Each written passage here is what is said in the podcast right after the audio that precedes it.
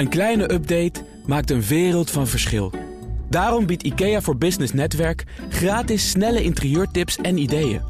Word gratis lid en laat je werkplek voor je werken. IKEA, een wereld aan ideeën. Ondernemerspanel. Werken bij een start-up heeft een hip imago, maar kan in de praktijk nog wel eens drama zijn. En koopjesketen Big Bazaar roept leveranciers op om niet zenuwachtig te worden van de financiële malaise waarin het bedrijf zit. Dat en meer bespreek ik in het ondernemerspanel met Quinten Schevernels, investeerder, commissaris bij techbedrijven, bekend van Suits en Hoodies, boek en de podcast. En Monique Ansink van Jumbo Spanbandfabrikant en All Day Nuts. Welkom, dames en heren. Goedemiddag. We beginnen met jullie eigen nieuws. Quinten. Ja, het is uh, uh, deze week, twaalf jaar geleden, dat uh, Tim Cook CEO werd bij, bij Apple. En uh, ik las dat toevallig en dat was een artikel waar ook helemaal werd uitgelegd van uh, ja, twaalf jaar geleden, Steve Jobs, natuurlijk icoon. En er waren zoveel zorgen dat ja, hoe moet het verder met Apple? Hij is heel ziek, hij moet, uh, moet terugtreden. En Tim Cook, ja, die man is alleen maar operationeel heel goed. En hadden ze een heel mooi artikel gemaakt van waar het bedrijf vandaag de dag staat. En daar zie je eigenlijk dat een soort de momentopname van dan, hè, Steve Jobs, iconisch. En die man heeft dat overgenomen. En als jij kijkt waar Apple vandaag de dag staat, is echt miljarden, miljarden, miljarden meer waard. Nieuwe dus, producten. Kijk financieel. Ja, niet alleen dat, maar ook gewoon uh, de nieuwe producten die gereleased zijn. Je bijvoorbeeld kijkt naar. Zo'n zo, eigenlijk een relatief stom product. Ik heb het zelf ook, maar de AirPods. maar hoeveel omzet zij doen op die AirPods en hoe winstgevend dat is, hoe knap dat toch Hoeveel is. Hoeveel te veel jij betaalt voor die dingen, ja, niet te geloven. Maar dat wel doet. Allemaal dus, merk. Ja. ja. Maar ik vind dat, ik vind dat uh, ja, dat was gewoon al, al, jee, al twaalf jaar geleden. En uh, ja, dat bedrijf, ik bedoel, het is helemaal niet omgevallen maar of Tim zo. Cook wordt floreert. kort gedaan. Hè? Ik bedoel, ja. Hij is de opvolger van de visionair. Na Steve Jobs is het uh, nooit meer geworden wat het was. Of misschien wel onmogelijke schoenen om te vullen. Ja. Blijkt in de praktijk wel mee te vallen. Ja, heel erg. Ja, en er zit dus ook iets in wat ik dan wel weer knap vind van Steve Jobs. Dat hij dus ook echt wel een team had. Dat was niet alleen maar Steve Jobs. Maar hij had daar gewoon ook iemand zitten die het kon overnemen. En jaren later leidt het bedrijf dan niet eigenlijk onder zijn overlijden. En dat zie je natuurlijk bij heel veel ondernemers... dat het bedrijf vaak extreem afhankelijk van hun is. Dat ze wat moeite hebben om hele sterke mensen zeg maar, uh, te verzamelen. En daar heeft hij natuurlijk ook geweldig goed gedaan. Denk jij wel eens na, zonder dat je nou per se hoeft te overlijden... wat er gebeurt als jij uit het bedrijf zou stappen?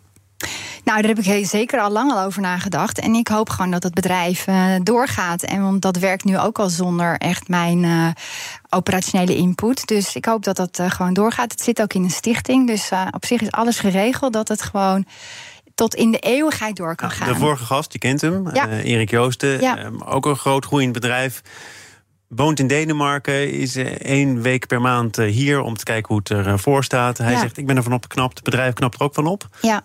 Ja. Voorzie je voor jezelf ook zo'n beweging? Ja, maar dat heb ik al gezien bij, bij mijn bedrijf. Kijk, het bedrijf zit natuurlijk deels in Nederland, deels in Vietnam. En daar kan je ook niet al door zijn. Dus ik heb het in de, in de praktijk al ervaren dat dat zo werkt. Ja.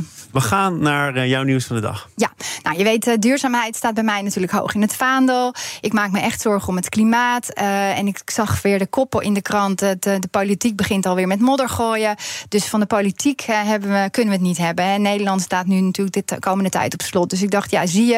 Het komt weer op het bord van de ondernemers. We moeten, onze, ja, we moeten de handen in elkaar slaan. We moeten samen nadenken over hoe gaan we ons uit deze klimaatcrisis innoveren. En ik denk dat de ondernemers dat echt goed met elkaar kunnen. En uh, ik ben bezig met voorbereiding met En Groeit voor een dag, 25 september. Om met alle ondernemers bij elkaar gewoon te gaan brainstormen en na te denken hoe kunnen we onze bedrijven nu zo inzetten dat ook de, de planeet, het klimaat, dus daar voordeel bij heeft. Dus dat is mijn uh, maar nieuws ik hoop van dat de uh, dag. de bedrijven die je daarvoor hebt uitgenodigd... daar niet uh, voor het eerst over na gaan denken. Dat is toch zeker sinds de oorlog in Oekraïne...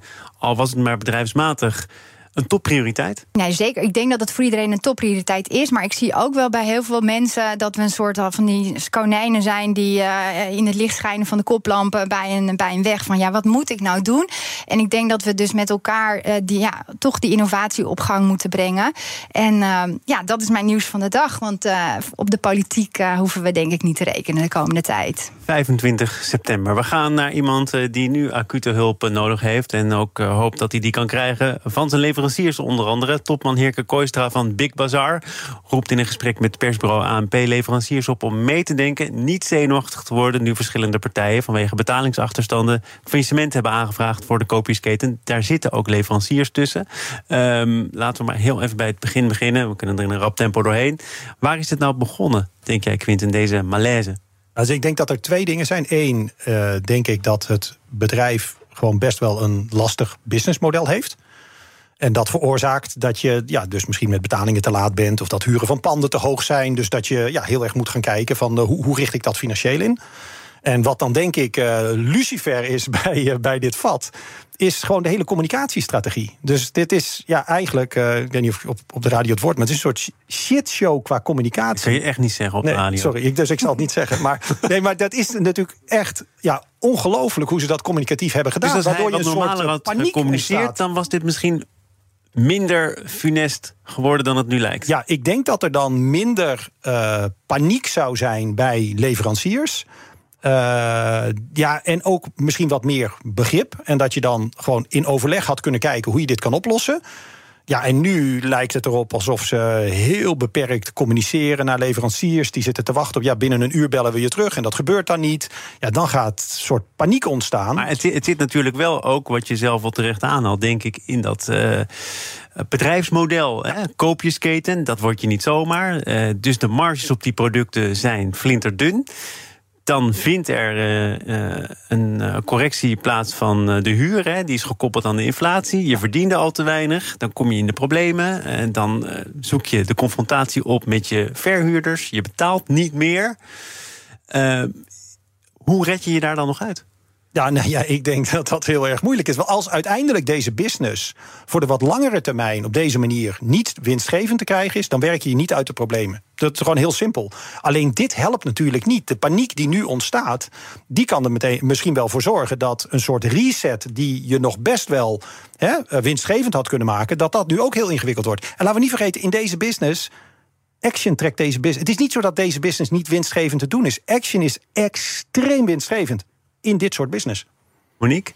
Ja, kijk, ik denk ook time to change voor dit bedrijf. Uh, als ik naar de website kijk, wordt er niets gezegd over duurzaamheid. Het is gewoon één winkel met alleen maar plastic. Er staat goedkoop, goedkoop. Alles is zo goedkoop mogelijk. Ja. Dan weet je dat er aan de andere kant van de wereld ook mensen lijden onder deze business. Ja, maar dat mag zo zijn. Maar is duurzaamheid voor de Action wel een uh, belangrijk speerpunt? Nou, dat was heel lang niet. Maar als je nu bij Action uh, naar binnen kijkt, zie je dat ze daar wel enorm mee bezig zijn. En ik vind dat ze daar nog steeds in achterlopen. Maar ze maken een enorme inhaalslag daarin. En dat moet ook wel, want ik denk dat uiteindelijk de consument hier ook niet meer ja, op maar zit de consument van de Action is toch ook vooral bezig met uh, graaien, zoals dat soms gaat. Nee, nu ben ik er toch. Weet je wat, ik heb dit niet nodig, maar het kost 99 cent. Ik kan me geen buil aan vallen. Ja, nee, maar ik denk mee. ook dat, dat die, die weg moeten we niet meer inslaan. Dat is natuurlijk de verkeerde route, dat weten we. Dat heeft al heel veel klimaatproblemen opgeleverd. Dus, en die Big Bazaar is gewoon een copy-paste, een verkeerde copy-paste. En er is geen ruimte voor in, uh, in, in, de markt. En Als je ik nu zou kijkt zeggen, wij... sluiten die tent. Ja.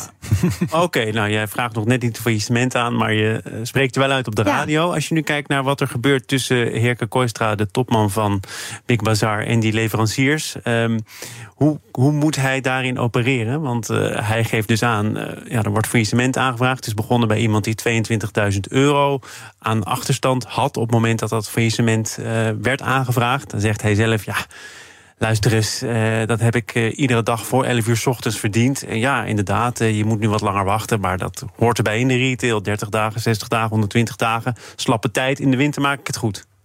Ja, ik denk het is gewoon uh, eigenlijk ten dode opgeschreven. Ik, ik vind het heel erg triest voor de leveranciers. Maar ook als leverancier, als je het levert aan zo'n bedrijf... je hoort ook in je ketenverantwoordelijkheid te kijken... waar verkoop ik het? Is dit wel verantwoord om te verkopen? En daar begint het hele probleem. Iedereen in deze Big Bazaar ook heeft alleen maar gefocust op winst. Ja, uiteindelijk krijgen ze nu het lid op de neus. En denk ik, ja, je had het kunnen voorspellen.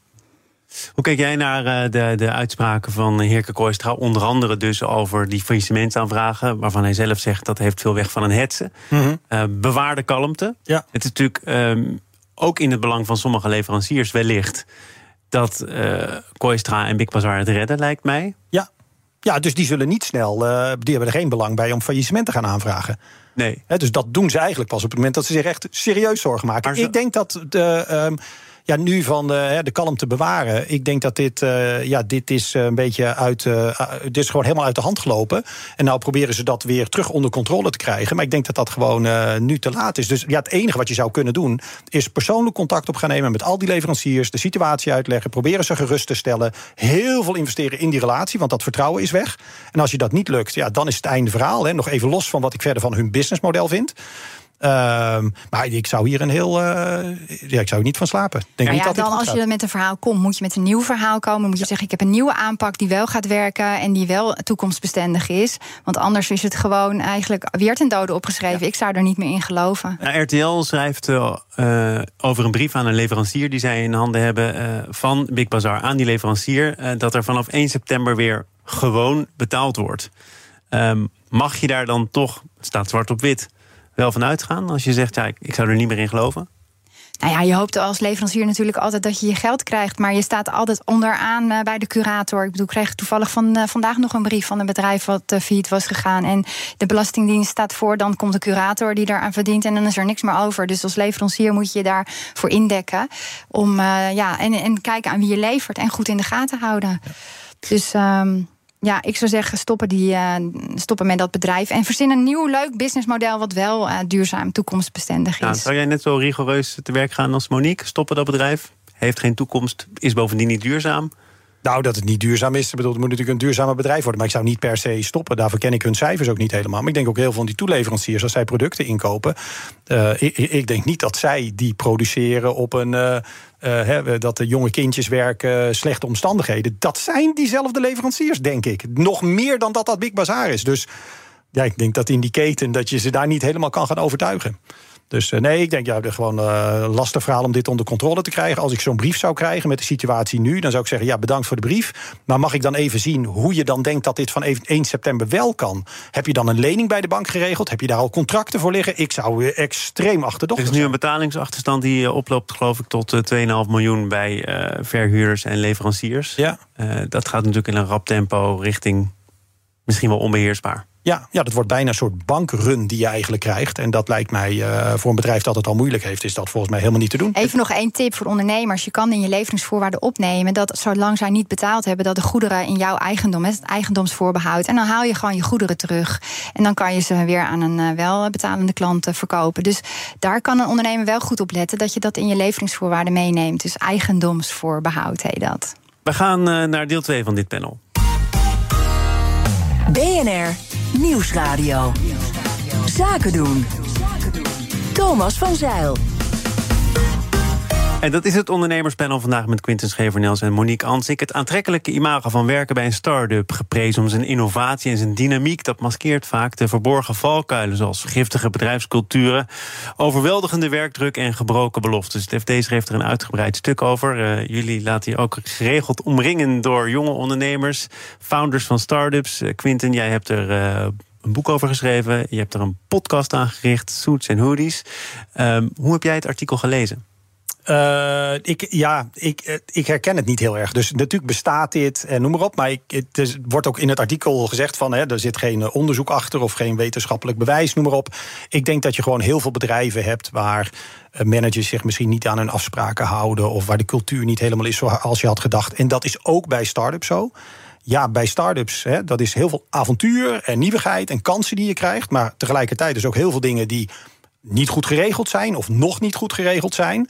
Uh, maar ja, ik ben bij echt tientallen start-ups betrokken. En dit zijn echt de uitzonderingen waar ik dit uh, zie, als ik eerlijk ben. Maar mag je wel uh, zeggen of stellen dat wat jij zegt, hè, avontuur, nieuwe dingen, je bent er vanaf het eerste moment bij dat daar dan ook per definitie bij hoort dat zaken niet goed geregeld zijn en er dus een groter gevaar is dat je een keer uit de bocht vliegt? Nou, niet, niet altijd, maar dit is natuurlijk een ondernemer, is niet het eerste waar die aan denkt van oké, we gaan beginnen. Mijn eerste medewerker die ik aanneem is een HR-manager. Die gaat zorgen dat er een soort handboek is. En noem, ja, daar, daar begint een ondernemer niet mee. Dat wil niet zeggen dat je er niet over moet nadenken, dat iemand goed begeleid wordt en dat soort dingen. Uh, maar ja, als je een heel volwassen groot bedrijf hebt, dan heb je hele afdelingen die dat al doen. Dus ja, wat doe je dan nu wel als je uh, ergens naartoe wil met je sores of het bevalt je niet. Er is geen HR-afdeling. Gewoon naar de founder zelf, naar de ondernemer zelf. Ja, is, Dat, is dat zo gewoon? Als diegene, ja, nou, dat zou het wel moeten zijn, vind ik. Ja. Ja, En als je bij, in een bedrijf zit, startend bedrijf... met een ondernemer die daar niet voor open staat... dan moet je jezelf als starter op de arbeidsmarkt ook de vraag stellen... is dit dan het type bedrijf en het type ondernemer, het type leiderschap... waar ik bij wil werken? Is het, is het uh, ja, misschien raadzaam om naar de oprichter te stappen en te zeggen wat je dwars zit of hoe het misschien anders kan. Uh, nou, daar zal iedereen het mee eens zijn. Maar ligt het voor de hand dat dat ook zonder barrières kan, Monique? Ja, ik weet niet of die barrières er nu zijn. Uh, kijk, ik weet wel dat als je natuurlijk in een bedrijf werkt, dat er toch altijd een soort afstand is tussen de founder en de medewerkers. Maar tegenwoordig vind ik medewerkers, en zeker ook de jonge generatie, zijn eigenlijk best uh, mondig, mondiger dan in het verleden. En ik denk dat ze dat ook wel met elkaar zouden moeten kunnen durven om dat te doen. En je bent ook mede, uh, ja, je kneedt met z'n allen eigenlijk die start-up. Dus als je zegt, hé, hey, we hebben geen HR-beleid, waar is het salarishuis hier? Dan zou ik zeggen, nou, pak een pen en uh, of uh, ga achter je computer zitten, zet het in elkaar en presenteer het aan de founders. Van nou, zo zouden wij het zien. Wat vinden jullie ervan? En volgens mij zeggen 9 van de 10 van, hé, hey, wat fijn dat jullie hierover nagedacht hebben. Ja. En laten we dat zo oppakken. Ja, dus je bent daar zelf dan natuurlijk ook bij betrokken. En dat is ook wel weer charmant. Ja. En de meeste mensen, je kan zoveel informatie nu van van internetpluk of van uh, wat jij ook net zei. Ja, uh, je bent eigenlijk ook een beetje dom als je gaat zitten afwachten totdat het op je, op je bord komt. Dus uh, gewoon zelf het initiatief nemen. Ja, ja, niet naïef zijn als je bij een start-up wil gaan werken. Moet je uh, je huiswerk wel goed doen. Dus je moet niet alleen kijken van oké, okay, wat is de baan die ik hier zou gaan doen. Maar ook kijken van heb ik voldoende vertrouwen in deze start-up. Gewoon qua businessmodel, product dat ze hebben. Hè? Want als, als je daar veel vertrouwen in hebt, dan is het een groeiend bedrijf. Dan heb je heel veel minder gedoe. En natuurlijk ook kijken van ja, wie zijn eigenlijk de oprichters van het bedrijf. En wat, wat zijn dat een beetje voor figuren? Wat hebben die hiervoor gedaan? Want die zijn heel bepalend voor de cultuur. Dus ik denk dat je die risico-inschatting heel goed aan de voorkant zelf kan maken. En dan de keuze kan maken van oké, wil ik dan bij dit specifieke bedrijf wel of niet gaan werken? Ik heb jouw boek gelezen al een hele tijd terug. Want uh, dat is een beetje een evergreen. Hè? De podcast ook een paar afleveringen uh, van uh, gezien. Of geluisterd met name. Um, maar cultuur, dat kwam ook wel aan de orde. Dat is natuurlijk wel het lastigste om dat in de vingers te krijgen of om dat te vormen, te kneden, zoals Monique zegt. Ja. Uh, zijn er wel een paar voorwaarden uh, die jullie kunnen opnoemen hier waarvan je zegt, nou, als je dat gezond wil houden en ook duurzaam wil houden, met een verloop dat niet uh, laat zien dat binnen acht, negen maanden mensen weer vertrekken, wat volgens mij best gangbaar is. Ja dan moet daar dit in zitten. Ja, nou, ik denk voor dit specifieke stuk dat je dus uh, voldoende oog moet hebben voor de mensen in je bedrijf, het talent. En de meeste ondernemers snappen ook wel dat in de markt waarin wij zitten, talent een van de meest schaarse dingen is die ze hebben. Dus ik denk met een goede cultuur moet je zorgen, ook als ondernemer, dat je mensen aanneemt waar de verwachting, zeg maar strookt met wat je te bieden hebt. En die ook qua gedrag passen bij het type bedrijf dat jij wil bouwen. Dus ook niet overhaast iemand aannemen om daarna erachter te komen van ja, over een aantal hele belangrijke dingen, klantgerichtheid of werkmentaliteit, denken die eigenlijk heel anders dan ik daarover denk. Allebei de kant op, gewoon je huiswerk goed doen. Wat zou jij zeggen, Monique? Ja, ik denk dat we ook heel vaak onderschatten dat mensen ook gewoon zelfbewust zijn. En dat als je dus een team uh, veel verantwoordelijkheid geeft, dan kunnen ze dat ook gewoon aan. En dan, uh, de cultuur ontstaat vanzelf, want die is niet maakbaar. Dus je kan niet van tevoren bedenken, nou, ik wil zo'n type cultuur hebben. Dat gaat nooit gebeuren, want de cultuur is gewoon iets wat uit zichzelf groeit. En het, voor mij persoonlijk ligt dat in verantwoordelijkheid geven aan het team en het niet allemaal zelf willen doen. Dan ontstaat er vanzelf een hele fijne werkcultuur. Want de mensen kunnen dat gewoon zelf. Mag je bij een start-up uh, wel denken, misschien enige tijd, nou, het is nu hard werken en die overuren, ik krijg ze niet uitbetaald. Misschien zijn mijn targets wat aan de hoge kant. Maar het echte succes, dat komt later. En dan heb ik daaraan bijgedragen. En misschien zie je dat ook wel terug in mijn optiepakket. Worden mijn aandelen veel waard. Ik, ik heb het nu even voor lief. Ik word daar later voor beloond. Nou, ik denk als je op die manier denkt in een beloning van geld, dat je nooit tevreden zal zijn. Dus je moet niet denken in een beloning van geld, maar je moet denken aan een ervaring die je hebt, aan hele leuke situaties die je meemaakt, uh, dingen die je zit, meemaakt. Zit er niemand voor de lange termijn te denken van, nou, misschien ben ik zo meteen wel de tweede werknemer van Artje? Nou, dat, ik denk dat, je, dat er heel veel mensen zijn die dat denken, maar als je er zo in gaat zitten, dan is het gewoon al bijvoorbeeld een teleurstelling. Dus uh, het, het, moet je, het moet je niet om het geld gaan. Natuurlijk moet je rond kunnen komen, je moet je huur kunnen betalen. Je moet gewoon je boodschappen kunnen doen. Maar het gaat om de ervaring, om wat je, dat je zelf er nog dingen van leert. Dat je leuke mensen ontmoet. Dat je uh, ja, gewoon elke dag weer naar je werk gaat. En dat je denkt, gaaf waar we, waar we nu mee bezig zijn. We zijn met iets heel gaafs en duurzaams bezig. We zijn ook nog goed bezig voor de rest van de wereld. Ja, die voldoening, die moet je eruit halen. En dat is niet in geld uit te drukken. Nee, je kan denk ik de kansen die je vaak bij een start-up krijgt, is dat je gewoon jezelf ontzettend kan ontwikkelen en heel veel kan leren. En dat is toch een beetje, vind ik, uh, maar qua carrièreplanning. Ja, dat, maar daar kan ja, het ook. Dat kan ook Noem eens iets wat jou is tegengevallen, want je hebt het gewoon aan de lijve ondervonden. Uh, ja, en tegengevallen als? Nou, waarvan je denkt, dat had ik zelf beter moeten doen, of dat vond ik als founder niet prettig. Ja. In de eerste dagen, maanden, misschien wel jaren van mijn bedrijf. Wat had je nu anders gedaan? Uh, ik, nou, wat ik sowieso anders had gedaan, is de dingen waar ik minder goed in ben, daar kwetsbaarder over durven zijn. En dan uh, veel meer luisteren naar mensen die daar meer verstand van hebben. In mijn geval bijvoorbeeld technologie. Ik kan zelf niet programmeren. En ik heb daar wel het gevoel gehad dat ik zelf als CEO ook zou moeten weten hoe dat zit. En eigenlijk te weinig open geweest voor feedback. Ja, maar dat, jij wist wel van jezelf dit is niet mijn sterke punt? Of kom je er ook pas na verloop van tijd? Ja, dan kom je ook pas. Ja, je oh. weet, je, ergens weet je dat een beetje. En dan wordt op een dag de rekening serieus gepresenteerd. En dan denk je, oké, dit kan ik niet verbloemen. Oké, maar goed, het is, uh, dat wil ik even zeggen. Uh, uh, begin van je carrière gaat heel erg om het leren, jezelf ontwikkelen, learn. Daarna ga je veel meer kijken naar earn. Wat levert mij dat op? En als het goed is, daarna kom je in de leeftijd dat het return. En dan kan je teruggeven aan een jongere generatie, noem maar op. Daar zit jij nu in. Precies. nou, ik vind dat dat ook tegelijkertijd kan. Maar goed, dat is een ander verhaal. Nou, nee. Nou ja, nee, ik vind eigenlijk van uh, earn en return. Ik denk, ja, dan ga je eerst nemen en dan teruggeven. Dat kan gewoon al tegelijkertijd. Dus probeer dat eens uit. Want dat geeft alle minuut de voldoening. Dus hoef je niet eerst te wachten tot je het geëarnd hebt en dan gereturned hebt. En je doet het ja, aan twee kanten heb je dan uh, positieve effecten. Dus het kan echt. Thomas zit mij helemaal aan te kijken. Ja. ik denk dat je naarmate je meer ervaring hebt, heb je gewoon uh, meer terug te geven. Dus natuurlijk kan je aan het begin ook al van alles teruggeven. Alleen je verhouding is denk ik wat anders. Dus ik zou ja, iedereen echt adviseren. zichzelf daarin zo overschatten.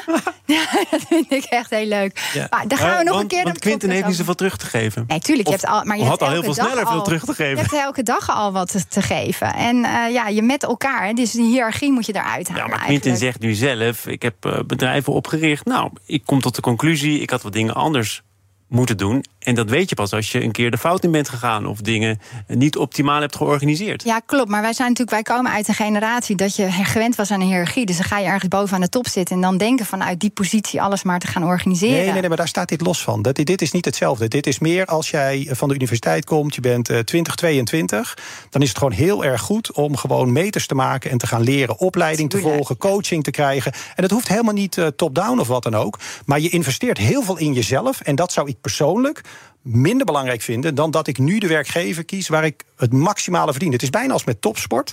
He, beter in de opleiding misschien bij Ajax zitten dan bij Paris Saint-Germain omdat dat voor jezelf voor de lange termijn veel beter is. Dus ja, dat weet ik wel. Maar toch, die 23-jarige die net terug uh, net, van school komt, die heeft ook ons heel veel te bieden.